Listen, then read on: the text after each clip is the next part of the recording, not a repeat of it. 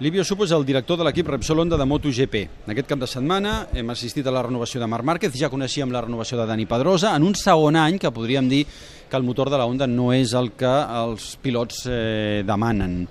Livio, buenas tardes. Buenas tardes. ¿Cómo valoras la renovación de Marc Márquez?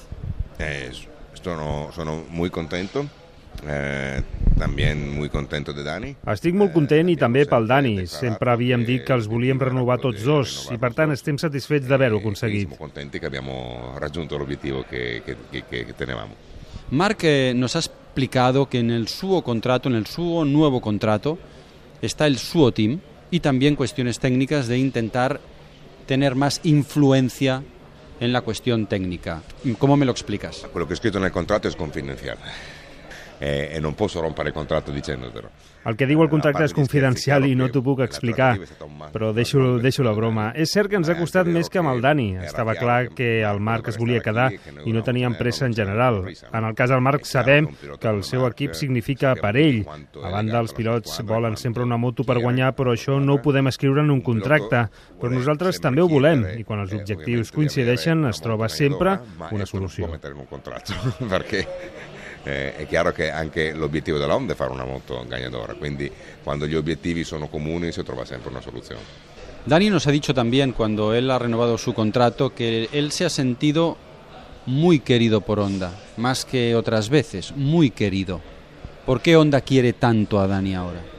Perché come sempre abbiamo detto, sono due piloti molto forti, Eh, Sempre han dit que són dos grans pilots, que treballen bé junts, tenen un estil de pilotatge diferent però fan comentaris semblants i per tant considerem que mantenir-los a tots dos era important. Que, eh, que fossero entrambi importanti per noi.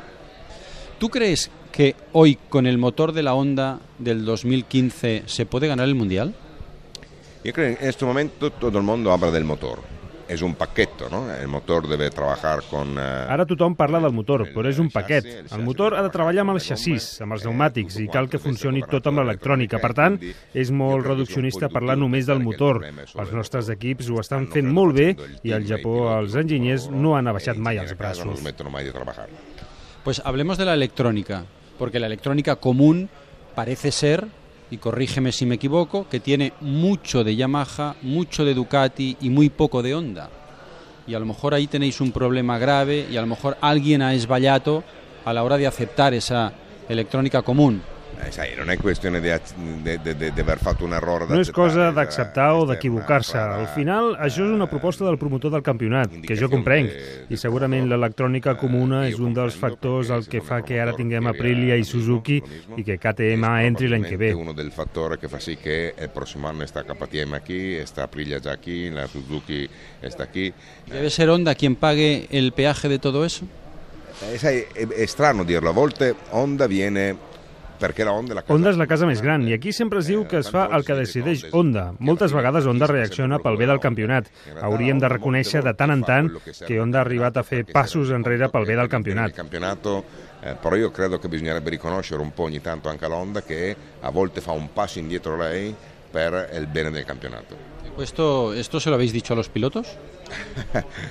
Attenzione, esto non vuol dire che la Honda deliberatamente perde competitivitat. Compte, això no vol dir que Honda deliberadament perd competitivitat. El software únic ens ha creat més problemes que a la competència, però sincerament no sé per què. No sóc tècnic, però no podem ser tan negatius. El Marc és a 10 punts de Lorenzo i per 19 mil·lèsimes no té els mateixos punts.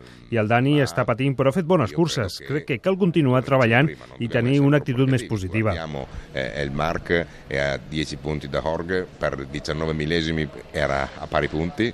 Eh, Dani, eh, nonostante abbia sofferto, stia soffrendo di più, ha fatto comunque delle belle gare eh, e quindi secondo me bisogna continuare a lavorare eh, e, e, essere anche un po' più positivi di quello che non, che non siamo adesso. Grazie Silvio. A voi.